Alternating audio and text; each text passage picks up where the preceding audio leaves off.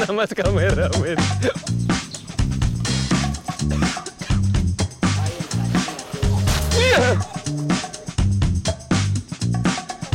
Eh udah aura-aura nih.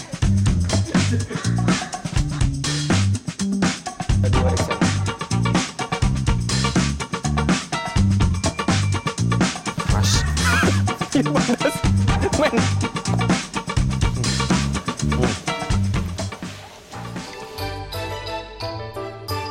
Selain tradisi berkunjung ke rumah sanak saudara atau saling memberi angpau, ada satu kudapan yang selalu hadir pada perayaan tahun baru Imlek. Ini dia, kue keranjang. Kue keranjang atau nenkau artinya kue tahun baru. Kue disusun bertingkat semakin kecil ke atas melambangkan harapan akan rezeki yang selalu lancar dan meningkat. Salah satu produsen kue keranjang yang kebanjiran order berada di kawasan Legok, Kabupaten Tangerang. Dalam sehari ada 500 kg kue keranjang yang diproduksi. Ya. Selamat datang di Sebelum membuat adonan, kita cari daun pisang yang akan digunakan sebagai wadah pembungkusnya.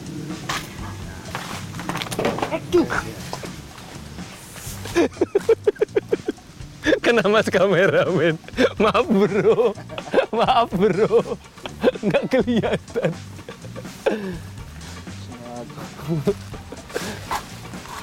Ada getahnya loh.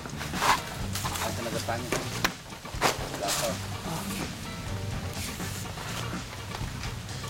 Aduh.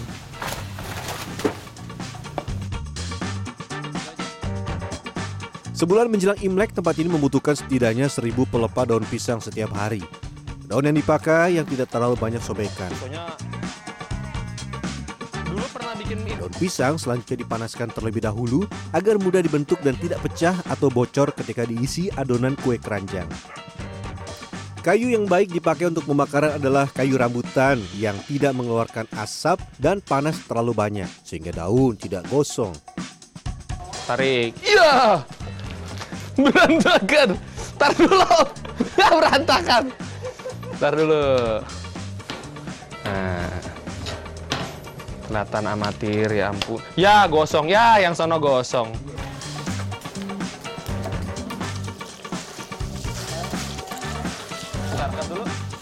Kita lanjut ke persiapan adonan. Pada tahun baru Imlek, tempat ini membutuhkan 6 ton beras ketan dan 12 ton gula pasir. Masaknya sedikit demi sedikit ya, agar beras ketan betul-betul bersih sebelum digunakan. Karena kalau tidak bersih, beras akan cepat basi dan berjamur. Taruh ke ember lagi, itu kan. Ya. Buang-buang dong. Taruh ke ember lagi. Ya. Ya, cuci lagi ya. Baru bantuin. Udah salah. Tiriskan sisa air yang berlebih dan langsung kita giling menjadi tepung. Tepung beras ketan sudah siap, waktunya dicampur dengan gula pasir cair.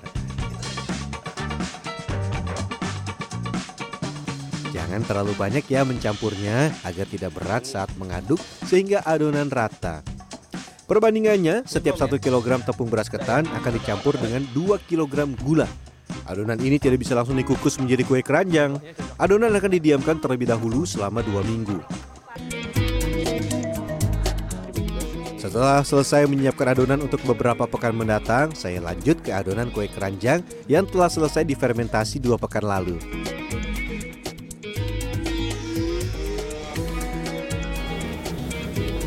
Wangi loh, wangi loh. Saya pikir tuh tadi akan ada bau-bau khas gitu, tapi nggak ada dia wangi dia.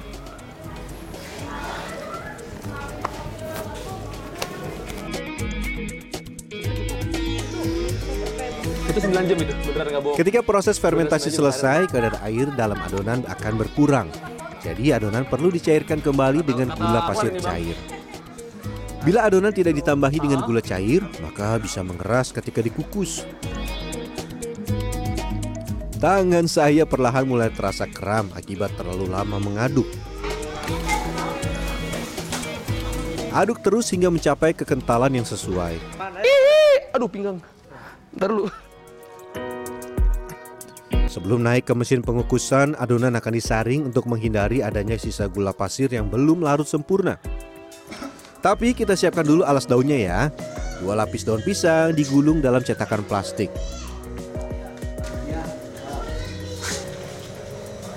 Bagian tepian sudah, lanjut ke bagian dasar. Yang di atas yang mana? Tadinya saya pikir tuh bagian paling sulit adalah harus ngadon, harus nunggu segala macam. Tapi ternyata yang nggak kalah susah itu bikin si lepitan daun-daunnya. Karena kalau sampai ada kesalahan, ya selain bentuknya nggak bagus, bisa jadi ntar bocor. Ini nggak ada ya, nggak ada bocor. Nah, ini yang bisa digunakan. Ini dua lapis, Satu aja nggak apa-apa. satu cukup. Oke, gini. Ya, kalau sampai daunnya ada yang sobek atau ada bagian alas berlubang, bisa-bisa pekerjaan kita seharian sia-sia. Lanjut, 1 kg kue keranjang yang dibanderol Rp40.000 ini berisikan dua buah kue keranjang. Hari ini permintaan kue keranjang mencapai 600 kg atau 1.200 buah kue keranjang dengan ukuran setengah kilogram. Saat saya disibukkan dengan kegiatan memasukkan adonan, beberapa pekerja lain sibuk menyusun kue keranjang di atas wajan yang telah diisi air. Letak kue keranjang harus diatur sedemikian rupa agar uap bisa naik hingga ke bagian atas selama proses pengukusan berlangsung. Jangan lupa tambahkan daun pandan di bagian bawah ya. Selama belasan jam menunggu kue keranjang matang, bukan berarti saya bisa bersantai-santai. Api tidak boleh sampai padam. Begitupun dengan air untuk mengukus yang harus ditambah secara berkala. Sekali proses pemasakan berlangsung, biasanya tempat ini menghabiskan 20 batang kayu berukuran sedang. Mengukus menggunakan kayu juga akan menambah aroma khas bakaran pada kue keranjang. Aduh, biar kata asapnya dikit, tajam juga tapi tetap. Setiap sejam sekali, tambahkan beberapa liter air ke dalam wajan. Biasanya kue keranjang dimasak selama setengah hari. Namun sebagian pembuat kue keranjang menambahkan waktu masak agar kue betul-betul matang sempurna. ya.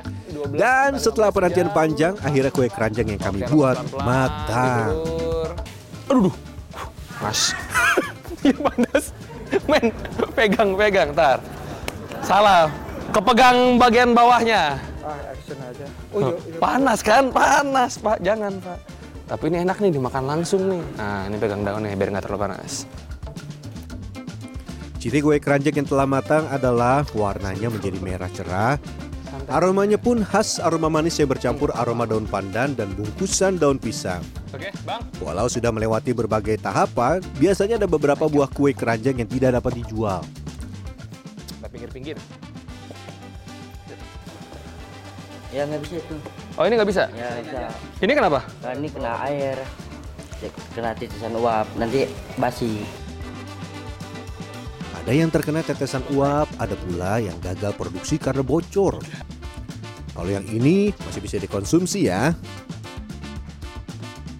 Kue keranjang yang masih baru matang. Tuh, sangat amat lengket. Hmm.